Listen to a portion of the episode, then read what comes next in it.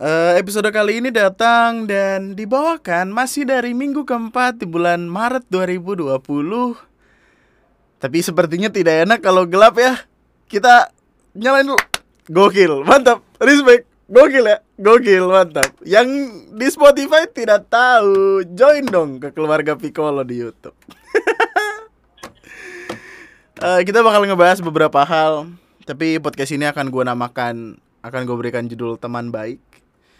Eh, dan seperti judulnya, kita bakal ngebahas beberapa hal yang ada hubungannya sama pertemanan, Eh, karena udah lama gue nggak nggak ceruk spesifik ngebahas suatu hal. Tapi sit back, duduk yang relax, duduk yang nyaman. Kalau mau tidur selamat tidur, kalau mau mati jangan. Eh, masih banyak kesalahan-kesalahan dalam hidup yang belum lu coba. Gila lu. Eh, nama gue Andri dan selamat datang di Lunatic Podcast.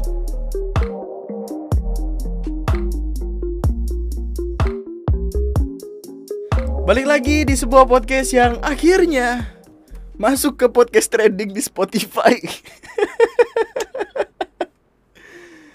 Aduh. Gua nggak tahu, itu kayaknya setelah berbulan-bulan lamanya, uh, lama banget pokoknya gue nggak ngeliatin chart Spotify sama sekali. Tiba-tiba gue lihat, terus kayak loh, kok ada di sini gitu. Ya masih masuk 100 besar, gue kira masih masih cukup ada eksistensinya tipis-tipis bisa. Entah kenapa ada ada kesenangan tersendiri ketika tadi di Twitter eh gue nemuin ada yang bilang kok Lunatic Podcast underrated banget ya gitu. Underrated adalah sebuah kalimat bahasa Inggris yang intinya ngasih tahu kalau sesuatu itu nggak seharusnya ada di titik ada di titik bawah harusnya ada di titik atas. Terus gue kayak ngeliatnya wow gokil juga nih ada yang menganggap Lunatic Podcast berguna. Tapi menyenangkan menyenangkan untuk kembali dan bersenang-senang. Eh aduh entar dulu nih tukang tukang kursi gue nelpon. Bentar angkat lu ya. Halo pak. Halo, Assalamualaikum. waalaikumsalam Dek, ya halo? Iya. Udah dibongkarin kursi mah itu ya, kursi goyangan. Cuman tukang udah dipulang dulu, paling tiga hari. tiga hari hari apa tuh Ah, kira-kira tiga hari dia bisanya pulang. Eh, insya Allah kalau memang ini, coba nanti Bapak kasih waktu eh, tiga hari, lima hari ya, lima hari ya, kasih waktu ya. Ya. sampai minggu depan dong hitungannya berarti Oh iya, minggu depan. Ya mohon maaf deh, tukang ada dadakan pulang. ah ah. Itu sih udah dibongkarin sama dia, Bapak dimasukin ke kamar aja itu. oh ya udah Ya insya Allah, insya Allah ming- hari Minggu ya, minggu depan ya, Sabtu depan ya ya. Ya, Sabtu depan oh ya udah oke nggak Ah, apa-apa hari Sabtu depan ya. Ini mohon maaf nih deh, mohon maaf. iya nih, nggak apa-apa ya, nggak gitu apa-apa ya. iya nggak apa-apa Ya, terima kasih deh, terima Yo, kasih. iya, Pak. maaf, ya, Mari. Bapak. Assalamualaikum. Waalaikumsalam. Wah, jadi makin lama kita melihat bangku ini, bros.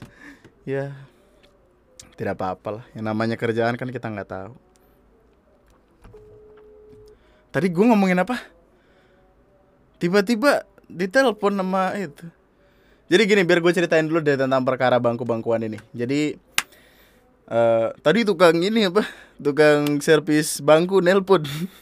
Katanya seminggu lagi baru jadi, Sabtu depan kayak baru jadi. Nggak apa-apa lah. Jadi biar gue ceritain dulu, eh, kursi gua kan kursi gaming ya. Waktu itu gue beli sekitar kapan ya? 2019 ya? Hah?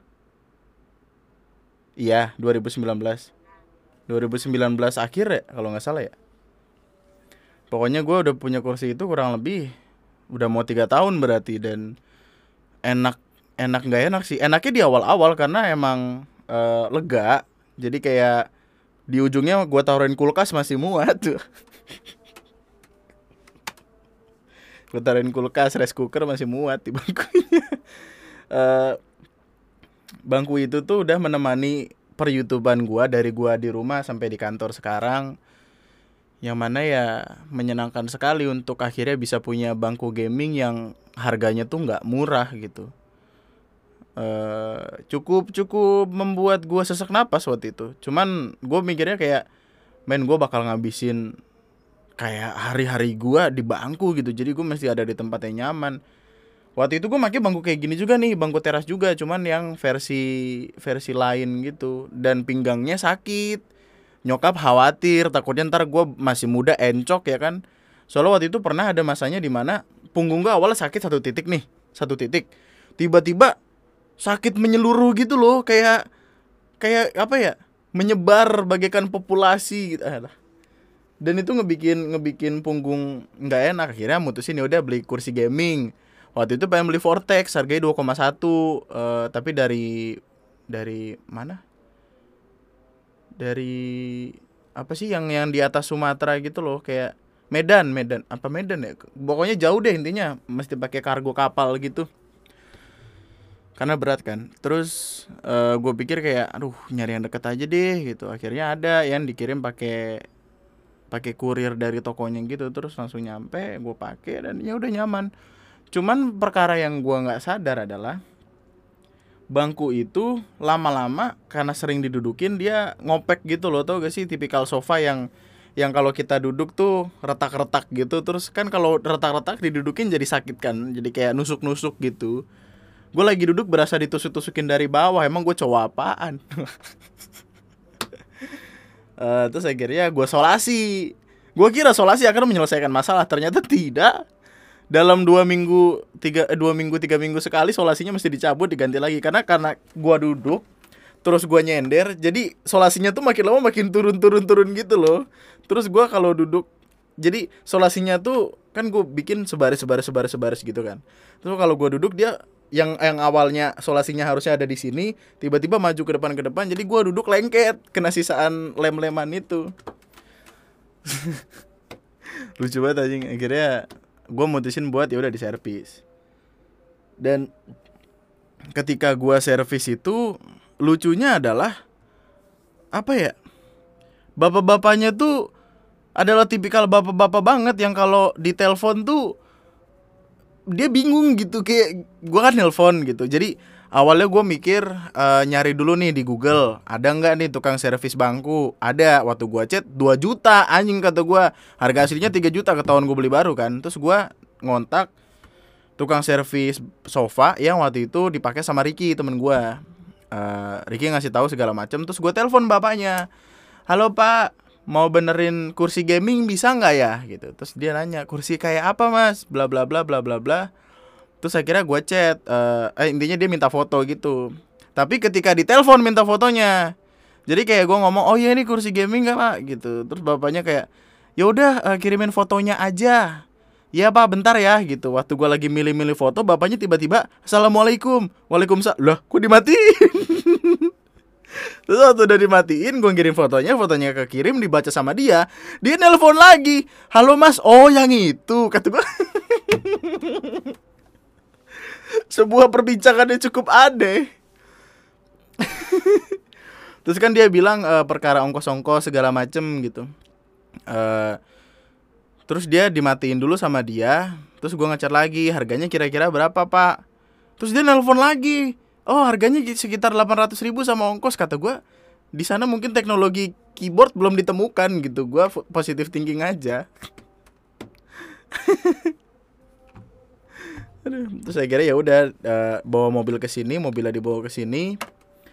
Terus ya udah intinya dibawa uh, dan butuh waktu beberapa lama untuk bangku itu bisa dibenerin. Dan tadi kan nelpon lagi tuh jadi kurang lebih seminggu lah nambah. Ya beruntungnya gue mintanya minta kulit ular sih kemarin. Soalnya kalau kulit badak kan rada keras duduknya ya kan. Jadi ular aja bagus biar kayak sisik-sisik gitu. Aduh jantung gue sakit. Dada gue sakit nyut nyut gitu gak tau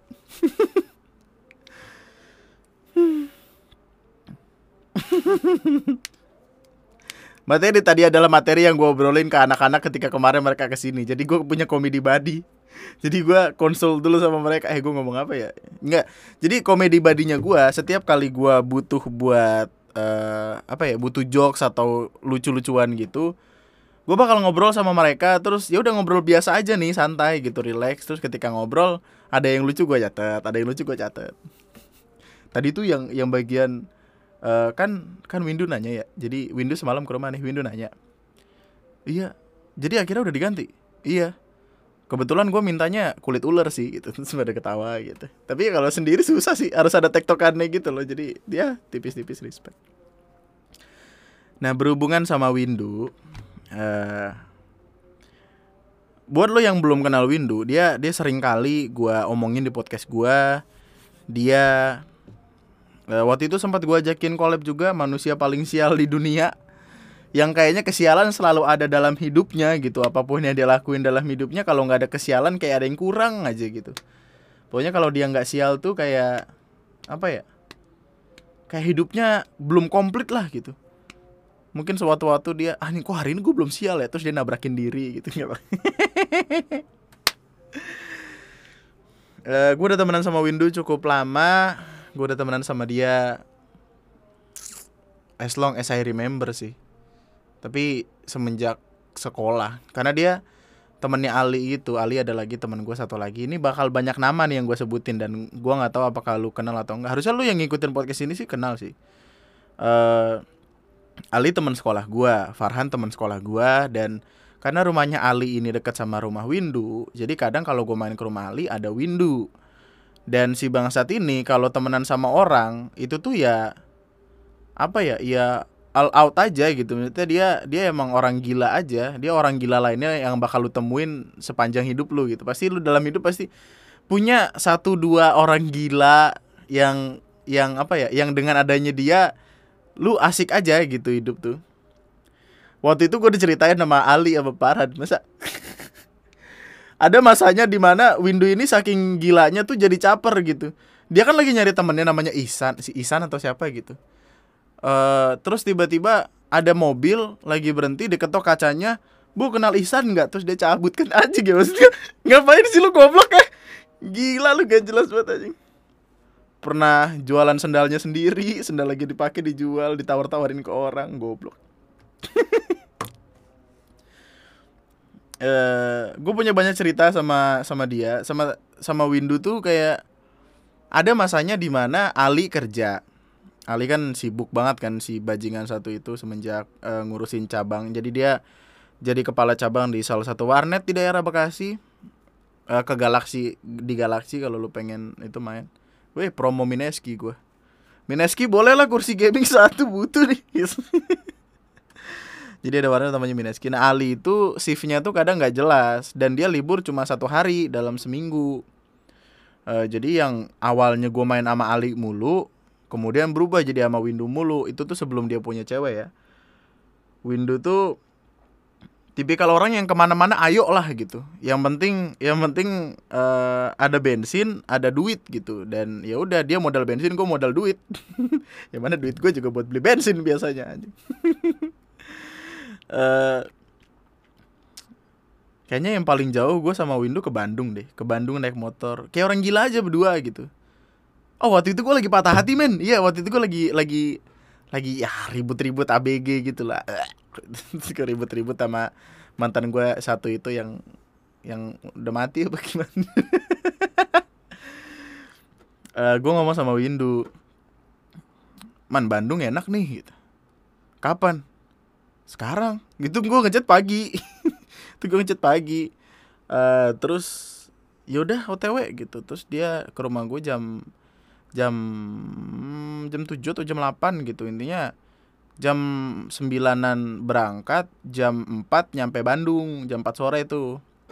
Terus kami nginep uh, nginep di sebuah apa ya sebutannya ya? Jadi dia kayak rumah tapi disewain gitu loh kayak motel hotel homestay ya homestay gitu. Tapi homestaynya rada-rada goblok sih menurut gue jadi dia gimana ya tidur tidur santai gitu. Eh kamarnya cukup cozy lah gitu. Kayak emang tipikal Bandung banget gitu. Yang nggak perlu AC eh nggak perlu kipas atau AC udah dingin. Tapi masa cetekan pintunya? Jadi tahu gak sih cetekan pintu yang yang aduh yang biasa di pintu-pintu rumah orang susah tuh tau gak soalnya kalau orang kaya nggak ada begituan. Yang yang digeser gitu tau gak yang digeser? Nah cetekan pintu kunci pintu yang digeser itu dia kan di di bagian kusen kirinya harus ada yang yang nutupin gitu kan jadi kekunci. Jadi bagiannya tuh ada dua. Yang nge-sliding sama yang ngunci. Nah yang ngunci ini kagak ada. Jadi udah di sliding doang. Eh dibuka. Wah. Jangankan jangankan orang ngebuka ditendang kucing juga, wah kedobrak tuh pintu.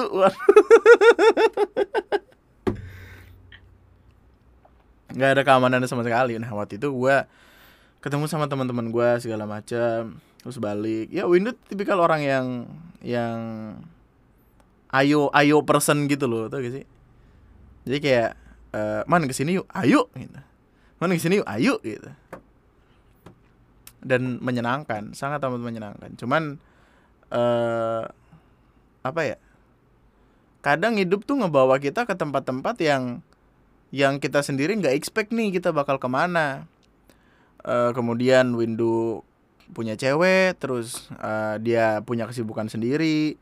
Yang mana cukup menyebalkan tentu saja. Nongkrong kagak ngikut anjing emang. Dia ada jarang-jarang nongkrong lah anak-anak gitu. Cuman di sisi lain gue juga apa ya di sisi lain kayak pada kesel anjing lu nongkrong kagak mau. Di sisi lain kayak dia punya urusan sendiri dalam hidupnya yang harus kita harus kita sadar kalau ya as a proper human being emang harus kayak gitu. Dan kita juga nggak boleh maksain maksain orang lain buat let's say nongkrong mulu atau gimana. Gue juga jarang nongkrong sih maksudnya nongkrong itu dalam keadaan orang-orang pada ke rumah gue atau gimana ya main gitu. Karena udah jarang banget keluar. Uh, terus semalam Windu Windu ke sini kan. Terus ya ada satu dan lain hal lah gitu. Uh, terus dia cerita tentang perkara hidupnya kayak lagi struggle banget gitu lah. Gua kira dia tuh selama ini kerja atau sibuk ngapain gitu ternyata dia lagi sibuk kerja tapi depan kata kerja ada nyari sibuk nyari kerja. Terakhir eh, semalam dia cerita dia kerja di startup gitu bukan bukan startup apa sih namanya? Perusahaan yang masih ngerintis gitu terus uh, bayarannya sangat tidak masuk akal. Jadi dia dari Bekasi ke Cikarang cuma dikasih gocap gue gue ngedengarnya gimana sih man? As a friend gitu. Sedih lah. Kayak gue gue tahu nih dia bisa ngelakuin sesuatu yang harusnya dapat bayaran cukup gitu. Tapi apa ya? Dunia menempatkan posisinya pada tempat-tempat yang susah diurus gitu.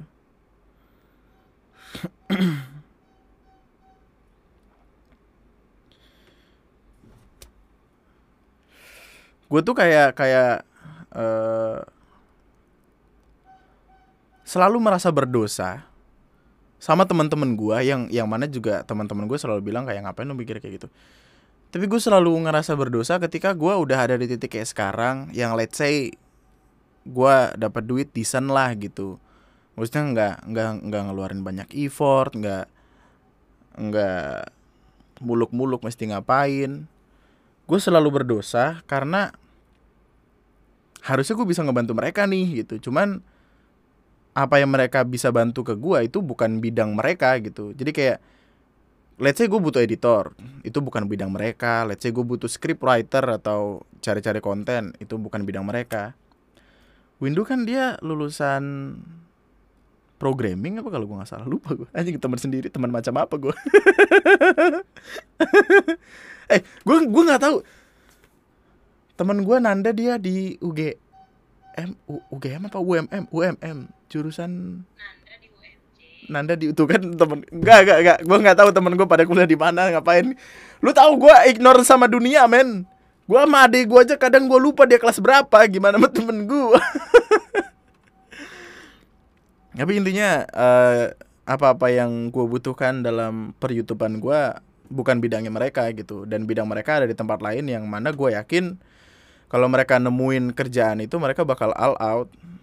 Gue punya teman-teman yang masih nyari kerja dan ketika gua dulu berbulan-bulan nganggur sebelum akhirnya kerja di salah satu tempat yang bisa menghidupi gua selama hampir tiga tahun itu gue sempat nganggur 9 bulanan apa. Kayak pressernya tuh katakan dari society dari rasa nggak enak diri karena gimana sih orang tua men?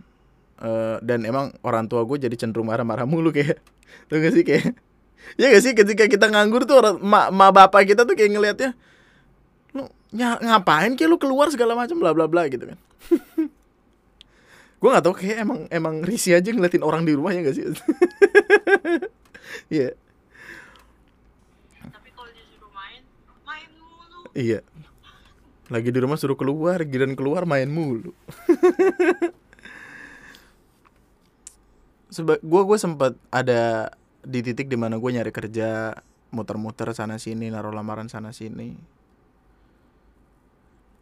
dan akhirnya gue mutusin buat stay di YouTube sini dan uh, to be honest cukup menyenangkan buat gue pribadi karena yang gue yakini adalah ini adalah tempat di mana gue seharusnya berada gitu cuma gue sebagai temen juga mesti ngelakuin sesuatu ya buat buat perkembangan kami semua gitu. Karena sungguh sangat amat tidak adil untuk berkembang sendirian dan ngeliatin yang lain struggle ketika kondisi lu baik-baik aja.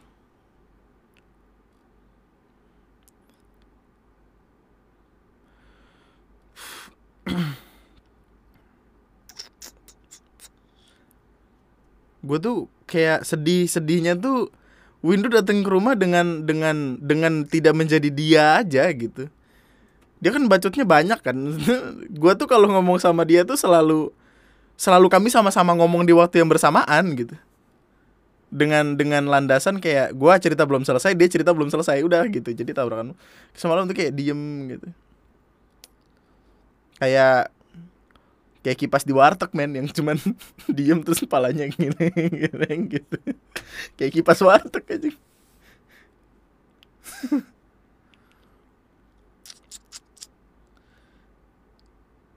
Dari dari sekian banyak manusia yang gue temuin yang gue paling salut dari dari Window adalah tentang perkara dia uh, apa ya konsisten sama perkara perkara uang dan dan tenaga dan apa pun gitu. Jadi kayak dia tuh all out gitu loh. Kalau dia kerja dia bakal ngeluarin semua yang dia mau. Makanya eh semua yang dia mampu. Makanya dia mau dari Bekasi ke Cikarang cuma dibayar gocap gitu. Yang mana itu sungguh sangat tidak masuk akal buat manusia. Dan gocap itu kayaknya buat bensin doang anjing aneh banget itu tempat. Terus dia cabut kan dari situ. Jadi intinya sekarang dia masih nyari kerja. Dan tentang perkara duit gue tuh apa ya gue tuh kadang spend duit tuh ya ya udah gitu gue keluarin aja. Uh, kayak misalkan lagi ada yang butuh buat minjem ya udah gue gua kasih gitu. Itu harus teman banget ya.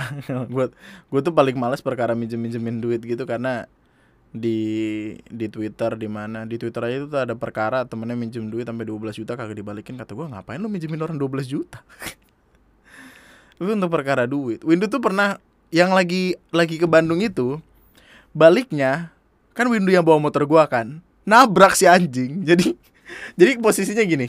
Uh, gua lagi di jalan balik lagi di arah-arah Karawang gitu deh kalau nggak salah. Terus ada jembatan flyover bukan flyover sih kayak flyover nggak sih? Pokoknya jembatan gitu deh jembatan tinggi gitu. Iya jadi jadi naik dari jembatan bercanda-canda bercandaannya juga wow wow wow wow wow, wow. aduh ini sumpah men kalau gue taruh di sini mati gue bercandaannya parah sih. Wah pokoknya bercandaan parah lah parah parah banget. Wah jangan parah dah. Terus intinya Iya yang sama window kan nggak ada nggak ada visualnya nggak ada visualnya sama Windu. Nggak ada yang sama Windu kan sama Ali. Enggak tapi tapi yang omongan bercandaan itu ada. Oh yaudah iya Oke gitu. Intinya bercandaan demikian. Lu cari aja ntar juga ketemu dah. Bangsat itu bercandaan. Lucu banget. Gue ketawa kenceng banget anjing sumpah. Itu itu ketawa, ketawa terkenceng gue dalam beberapa bulan kayak. Ketawa kenceng banget gue terus tiba-tiba ada turunan Windu tuh kayak kayak mungkin nahan gasnya atau gimana gitu atau koplingnya ditahan dan dia lupa ngerem. Tiba-tiba ada mobil di depan, kayaknya dia mau muter balik atau gimana, lambat. Ketabrak lah bumper belakangnya. Dan dia pakai bumper belakang yang besi gitu kan. Apa sih? Yang kayak yang mungkin penahan gitu kayak behel, behel. Kalau di gigi behel, kayak behel gitu tapi di belakang. Ditabrak patah. Ganti rugi dong. Uh, waktu itu ganti ruginya gue lima ratus ribu gitu gue transfer langsung salaman salaman balik kan Nah, Windu di situ merasa kalau itu adalah salahnya dia, yang mana ya yang nggak 100% salah dia gitu. Kayak ya udah itu motor gue santai aja gitu sama gue. Tapi dia dia kekeh me- merasa kalau itu salahnya dia dan dia harus ganti. Terus waktu itu sempat ke ATM dia ngambil duit terus ngasih duit bla bla bla yang padahal gue juga mikirnya kayak dia dia tuh bilang ke gue man harus terima man. Kalau enggak gue nggak enak gitu gitu dan ya gimana sih? Gue juga jadi nggak enak dong. Dan dia tuh semenjak saat itu apa ya tentang perkara keuangan keuangan kayak gitu di, ditulis sama dia di notes. Bener-bener kayak dirinciin dia pernah minjem apa ke siapa atau pernah pakai duit siapa ke siapa. Bener-bener dirinciin terus kalau dia ada bayar digini-giniin digini-giniin gitu dalam perkara keuangan dia adalah orang yang gue percaya nggak akan bohong gitu.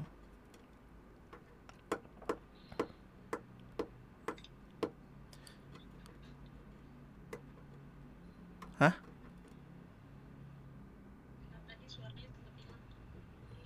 Enggak orang dead air. Gue lagi mikir.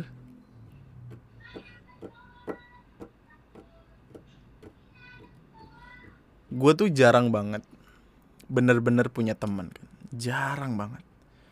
Temen gue dalam hidup tuh Bener-bener bisa dihitung pakai jari. Maksud gue As a proper As a proper friend gitu Yang yang bakal gue telepon Ketika jam 2 pagi gue lagi di mana ketika gua ban gua bocor rantai gua putus atau gimana.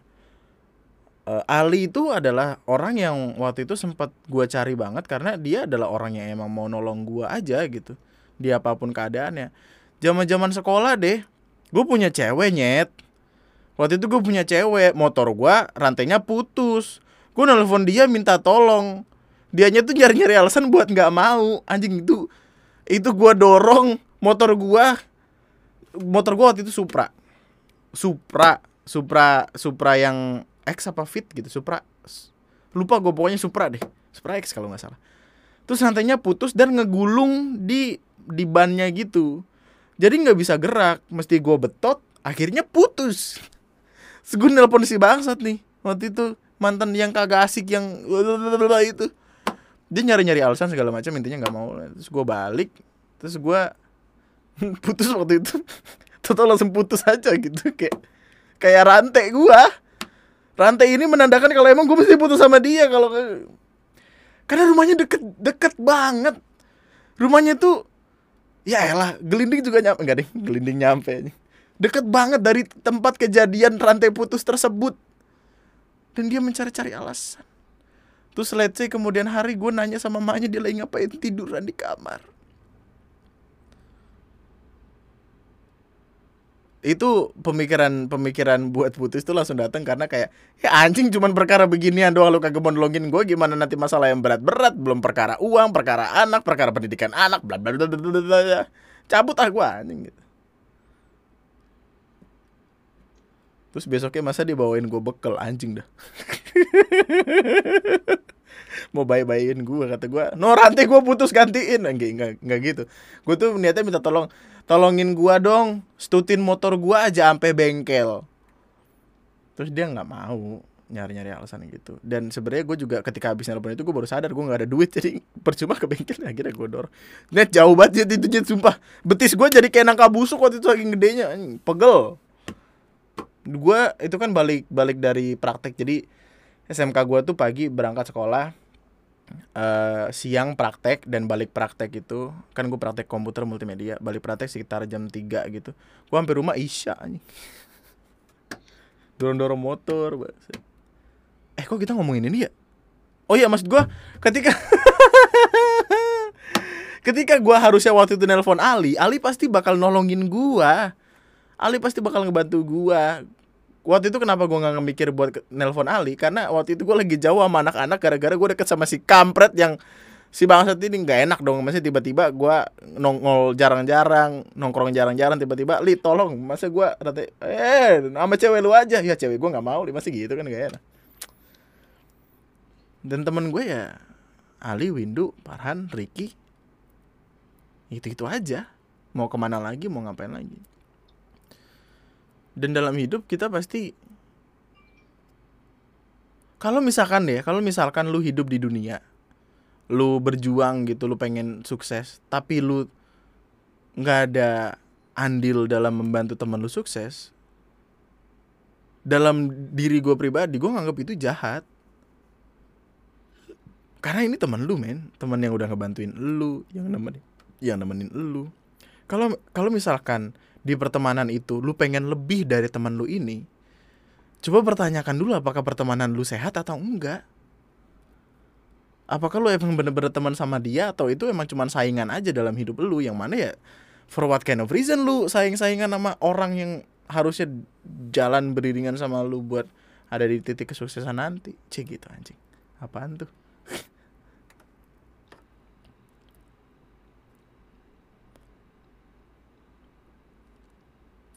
gua akan gimana ya?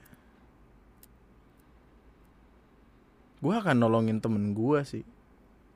Apa pun nggak apa pun juga sih. Kadang gue juga harus mikirin diri gue sendiri. Tapi selama gue bisa bantu teman gue gue bakal bantu gitu. dan kayaknya cara gue ngebantu mereka adalah dengan ngebikin podcast ini. Dengan ngebikin orang-orang yang punya kerjaan ngomong ke gue man ini gue ada kerjaan kasih aja ke temen lu gitu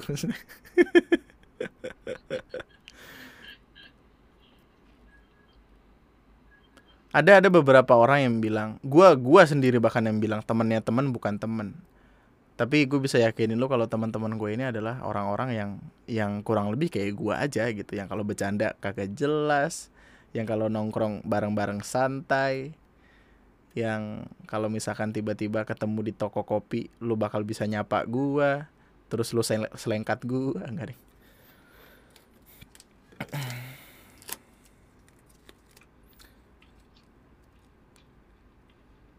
yang yang gua sedih dari dari kalimat ya Windu kemarin tuh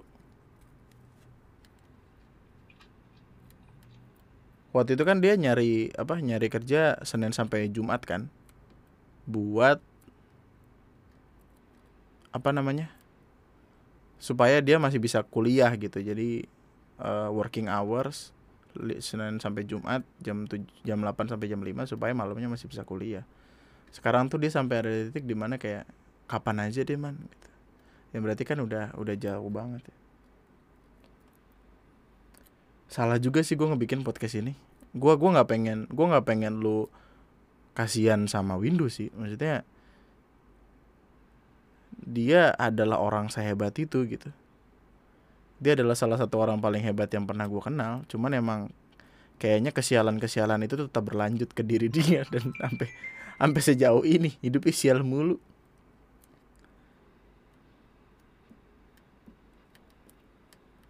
Gue juga nggak pengen sih kalau misalkan nanti ada orang dengerin podcast gue terus nger apa mem mempekerjakan temen gue karena kasihan sama gue bukan karena kehebatan dari teman-teman gue sendiri.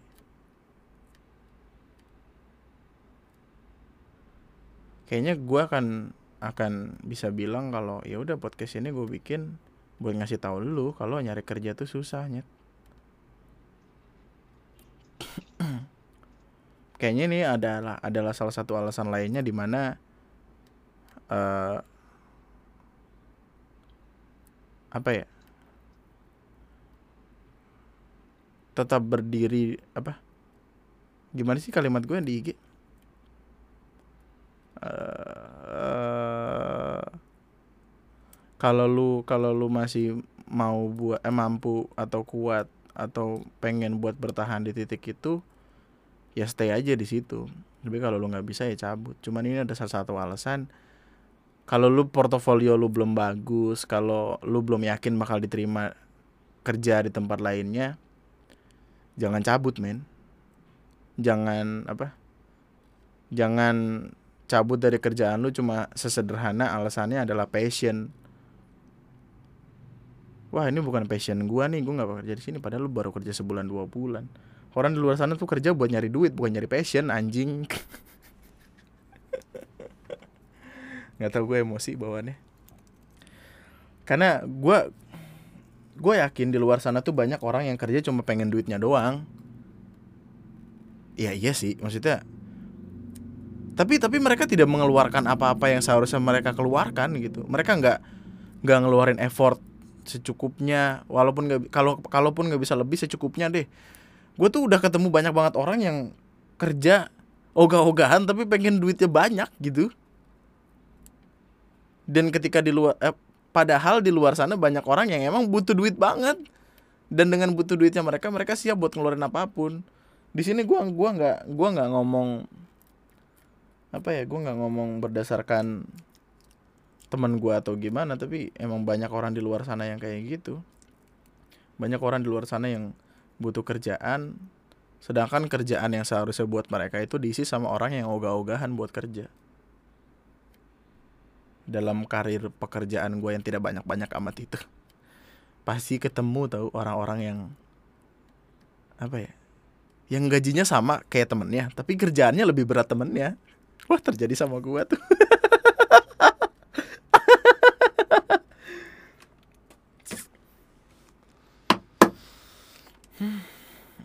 dalam hidup akan ada satu dua rintangan. Atau mungkin ada akan ada banyak banget rintangan kayak yang lagi dialamin sama temen-temen gua. Tapi karena lu juga temen gua lu yang ngedengerin podcast ini adalah temen gua juga. Gue bisa ngasih tahu lu kalau lu nggak berhenti berusaha. Kalau lu nggak diam di titik itu aja nantinya lu bakal datang dengan ngebawa kemenangan di tangan lu dan ada kesuksesan di sana.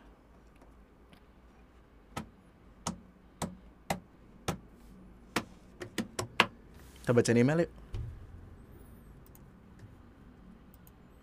Gue udah lama gak baca email. Tadi tuh niatnya gue pengen bikin video TNM tau Cuman gue pikir-pikir lagi kayaknya Podcast asik Gue udah lama gak nge-podcast Ada kerinduan mendalam yang datang dari singgasana suara. Ini apa nih?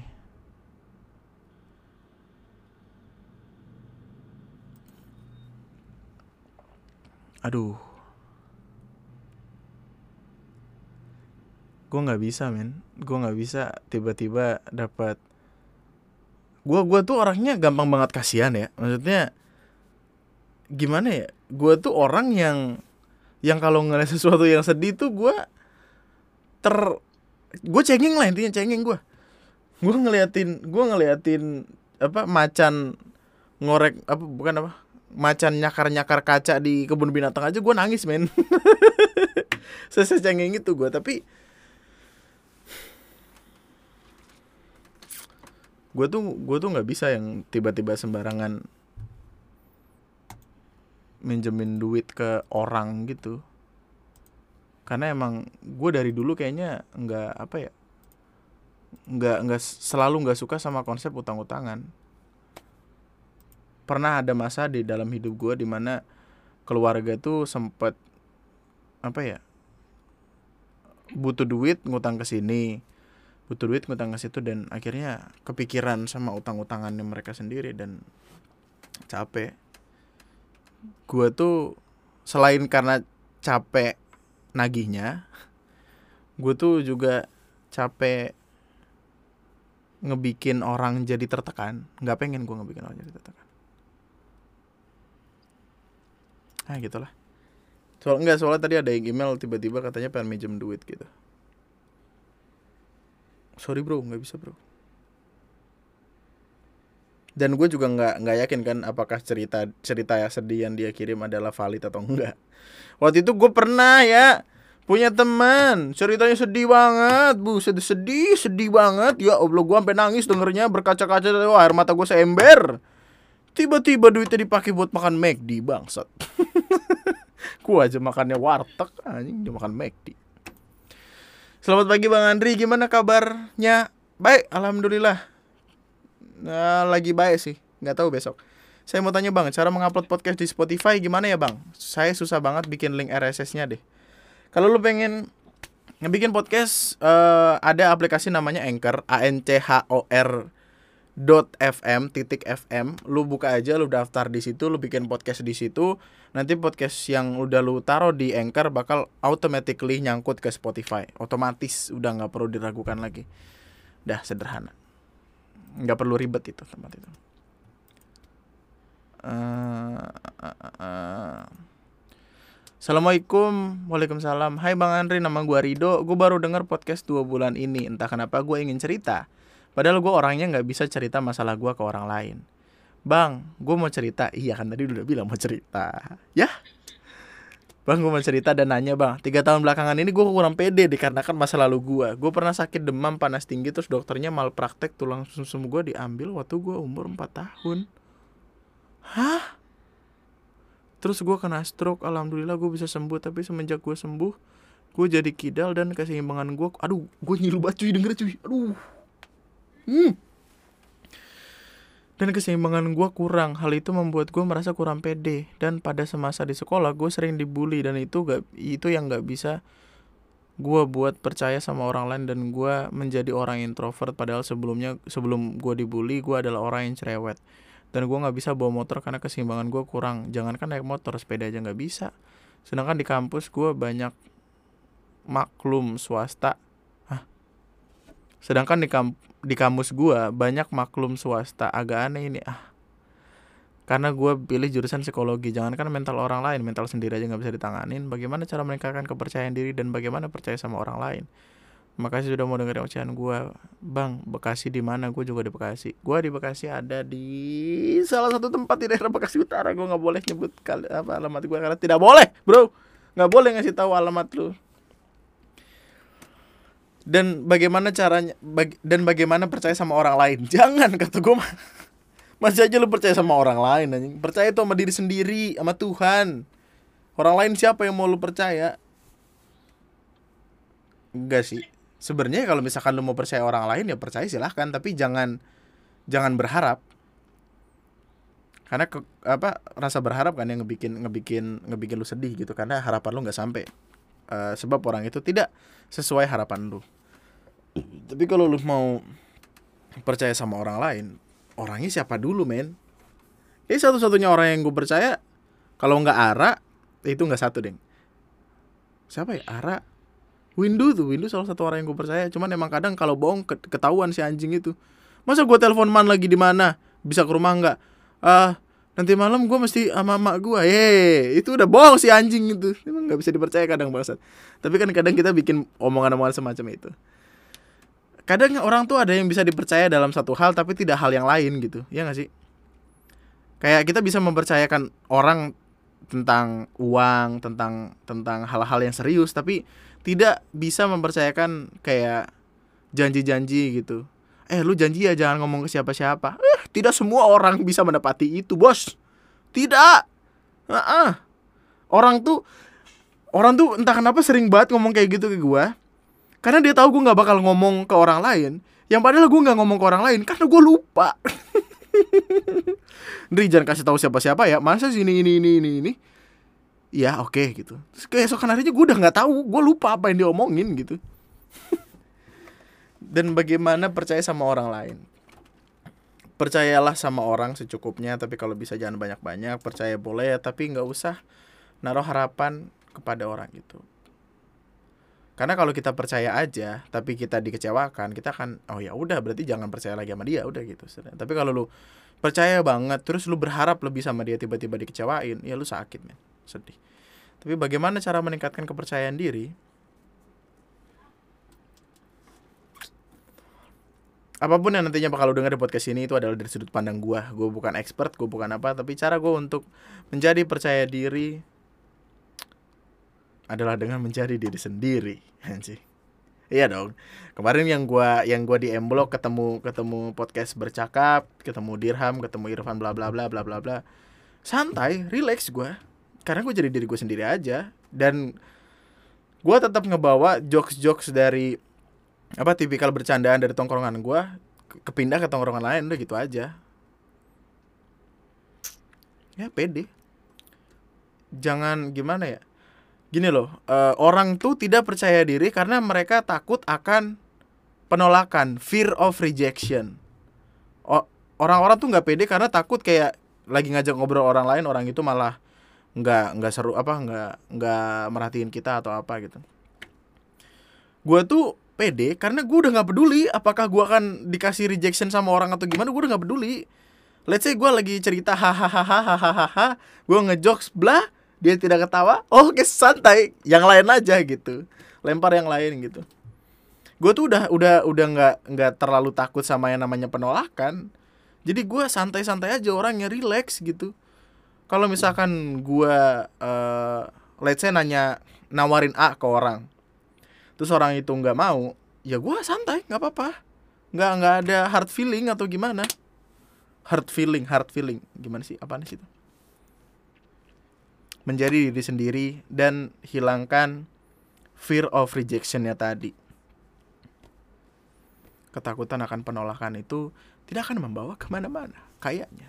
Gue nggak tahu juga tapi gue sih gitu. Thank you. Tadi emailnya siapa? Tadi yang email. Edo.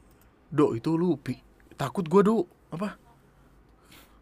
Yang tulang sum sum itu loh. Kok bisa ya? Malpraktek kayak gitu ya biasanya ngambil gitu buat dijual lagi tulang sum sum eh. Tulang sum sum tulang sum sum tulang iya yang di belakang. Kok bisa diambil ya? Diambil waktu umur gue 4 tahun. Astagfirullahaladzim Semoga lu baik-baik aja ya bro. Semoga. Santai, relax, aman, terkendali. Kepikiran apa? tadi kalimat yang jangan bilang siapa-siapa Hmm. kalau kita di pihak cewek jangan bilang siapa-siapa kecuali pacar Mm-mm. Tapi buat cowok Eh jangan bilang siapa-siapa ya. Satu tongkrongan harus tahu men. Satu tongkrongan Satu. Enggak deh Enggak sih. Harusnya itu yang temen banget gitu loh Yang bro banget Yang kalau yang kalau kita bawa omongan itu ke dia Kita tahu itu bakal ada di circle kita doang gitu Kayak let's say gue mau ngomongin sesuatu ke Ali. Li jangan kasih tahu siapa-siapa ya. Ali bisa gue percaya dia nggak bakal lempar omongan itu ke siapa-siapa. Paling dia lempar omongan itu ke orang satu circle kami. Paling dia ngomong sama Windu ngomong sama ngomong sama Ricky sama Parhan yang lainnya tidak tahu. Biasanya sih rahasia-rahasia itu tersebar ketika lo ngomong "Eh, jangan bilang siapa-siapa ya. Tapi dia ngasih tahu ke pacarnya. Nah pacarnya kan tidak punya beban dong pacarnya tidak punya beban untuk menjaga rahasia itu. Jadi pacarnya yang kayak oh lu tahu nggak nyet? Masa ah? eh lu tahu nggak? Ada bapak pelewat pak tahu nggak pak? Pak rt eh pak rt tahu nggak pak rt gitu. Itu dunia anggap aja cerita Nah itu. Rahasia teman-teman lu banyak nih di tangan gua nih.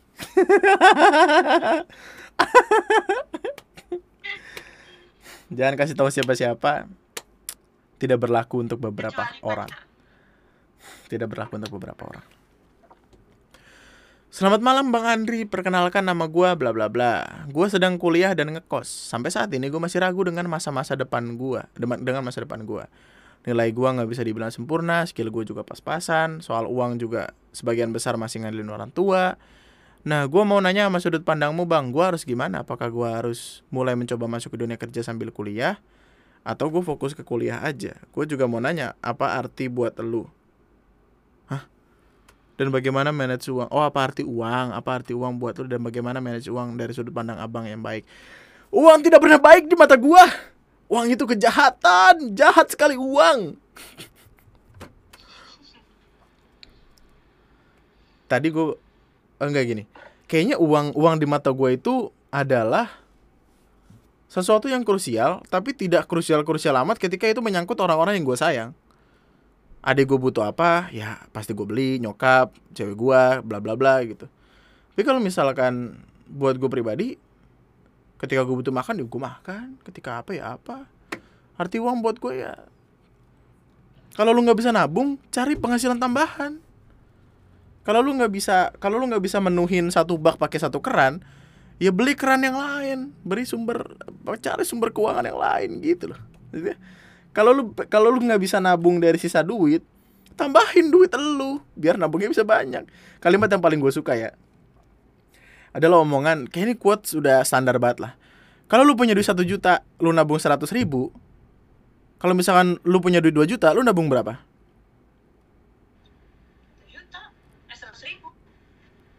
Kalau lu punya duit satu juta, lu nabung seratus ribu. Kalau misalkan lu punya duit 2 juta, lu nabung berapa? Ratus ribu.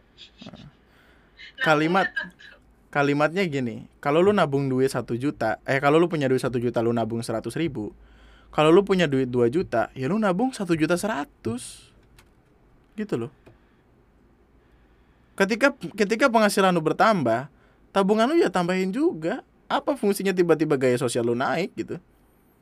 Kita spending 900 ribu, apa alasan yang membuat kita harus ketika dapat 2 juta kita ngabisin satu juta 900 gitu loh? Ya coba tanyakan pada dirimu sendiri bisa nggak kuat Enggak, maksudnya kalimat itu kan sederhana banget gitu. Ketika lu punya duit sekian, ya penambahannya bukan penambahan untuk perkara perkara gaya hidupnya, bukan dengan lu punya duit satu juta lu nabung 100, ketika 2 juta lu nabung 200 gitu. Gitu. Itu yang ngebikin orang-orang kaya karena mereka tidak spending uang untuk hal-hal yang tiba-tiba ditambahin gitu aja. Gua apa swah, swah, ngomongin duit jangan sama gua. Sembarangan gua pakai duit sumpah dah. Gua aja baru beli. Oke Google. Siapakah Bapak Pendidikan Indonesia? Di situs ruangguru.com dijelaskan bahwa Ki Hajar Dewantara adalah pahlawan nasional asal Yogyakarta. Nama asli beliau adalah Raden Mas Suwardi Surjaningrat. Beliau lahir di Yogyakarta tanggal 2 Mei tahun 1889. Oke Google, thank you. Gitu. Gitu. Jangan ngomongin duit sama gua. Tiba-tiba gua beli lampu warna-warni tadi tahu-tahu nyala ya kan. Tapi gini loh, gua punya banyak temen yang kuliah sambil kerja. Dan mereka bisa gitu. Dan sampai lulus, sampai S1 sarjana segala macam. Kayaknya bisa bukan bukan bisa atau enggak, mau atau enggak. Jadwalnya cocok atau enggak, bisa lo sesuaiin atau enggak. Udah. Selama itu masih ada di dalam kapasitas diri lu dan lu bisa, ya kenapa enggak gitu. Kenapa kacang? Why not?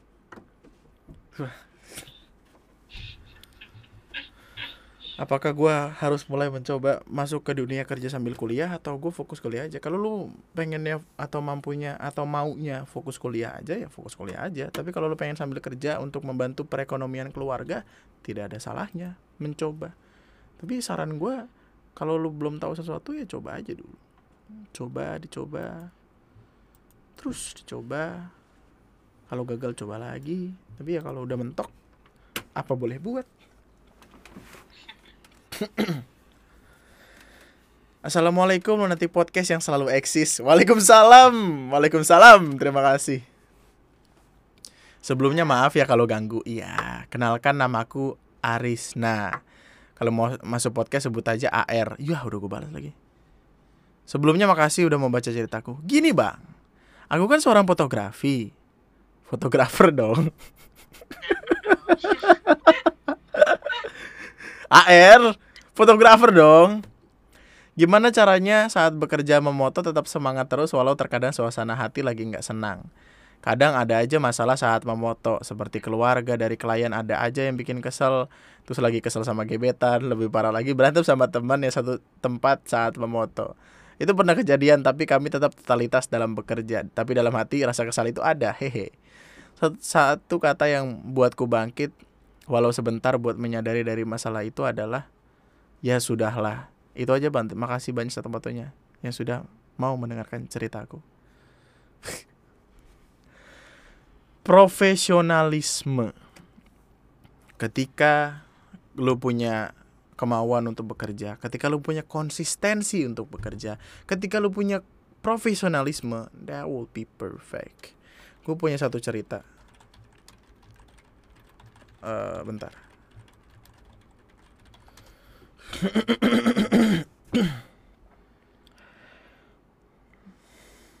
Aduh. Gue punya satu cerita, cuman gue lupa siapa karakternya. Mungkin kalau lo tahu, mungkin ada beberapa dari yang lo tahu. Ada seorang komedian.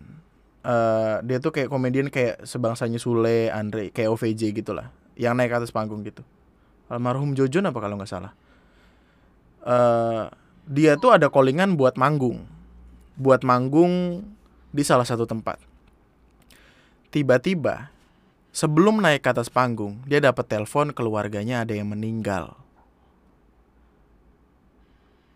Di kalau misalkan orang ini mau pulang juga harusnya nggak apa-apa. Mau pulang juga tinggal ngomong ke IO-nya, eh ada ada urusan keluarga, bla bla bla bla bla, ada yang meninggal segala macam.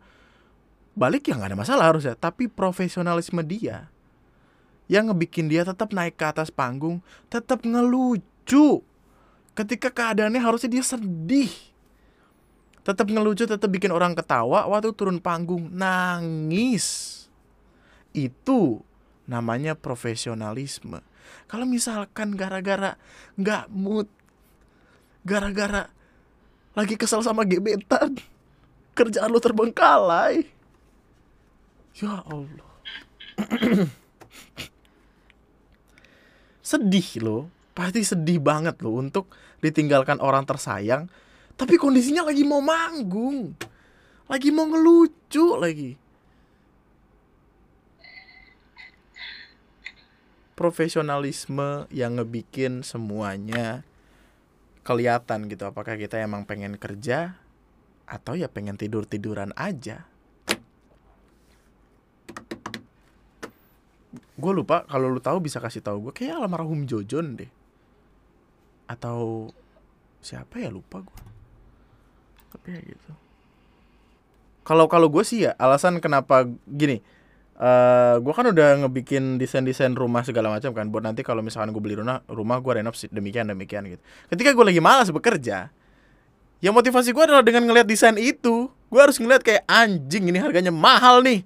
Waduh ini temboknya pakai ini ya kan keramiknya pakai ukuran segini harga keramiknya segini gitu. Lu ngeliat tuh pasti kayak anjing gua harus kerja nih gitu. That's it. That's all. That's what you need. The reason behind that work. That job not work. That job. You have to find a reason a good reason. Itu. Nggak tahu gua. Mau ngomong apa lagi Halo bang, kenalin nama gue Halo Sebelumnya gue minta nama gue jangan disebutin. Ya, sorry nih. Aduh, mesti gue edit nih Tapi kan gue lagi gak pengen ngedit. Oh, namanya bukan itu Namanya 8120 Gue suka sama seseorang Dan dia pada saat itu Dan dia pada saat itu udah punya pacar sel Selama dia pacar Ah, gue suka sama seseorang dan dia pada saat itu udah punya pacar. Selama dia pacaran itu, gue nungguin dia putus. Setelah setahun kemudian, mereka putus. Di saat putus itu dia sampai di titik terendahnya. Di saat itu, ia sangat putus asa karena diputusin pacarnya. Kebetulan juga di saat itu dia sakit. Gue selalu nemenin dia di saat titik terendahnya. Eh, tapi ketika gue ngeliat di snap WA, dia malah suka dengan orang lain apa dengan gua nunggu selama itu dan selalu ada buat dia di saat dia di titik terendahnya itu masih belum membuka hatinya bahwa gua akan selalu ada kapan pun dia butuhkan? Dan ke mana dia? Nyet koma titik! Tapi kenapa dia malah milih orang lain pada saat ini? Menurut lu gimana bang? Apa yang harus gue lakuin sekarang? Cari yang lain nyet! Cewek itu berhak untuk memilih. Cowok milih cewek milih. Eh cowok milih. Apa sih cowok menentukan cewek memilih. Iya gak sih? Cowok mengejar cewek memilih. Iya gak sih? Intinya tuh yang mutusin tuh cewek. Kalau memang lu udah mengeluarkan effort berlebih buat ngedeketin cewek tapi dia nggak mau ya ya udah. Emang dia nggak mau sama lu. Fungsinya kita punya nalar dan pikiran adalah untuk menemukan orang yang mau sama kita. Kita tidak bisa memaksakan hati seseorang untuk menyukai kita dong itu justru sia-sia pengorbanan yang udah lu keluarin. Atau emang cewek yang lu suka brengsek aja. Eh nggak boleh harusnya disensor. 812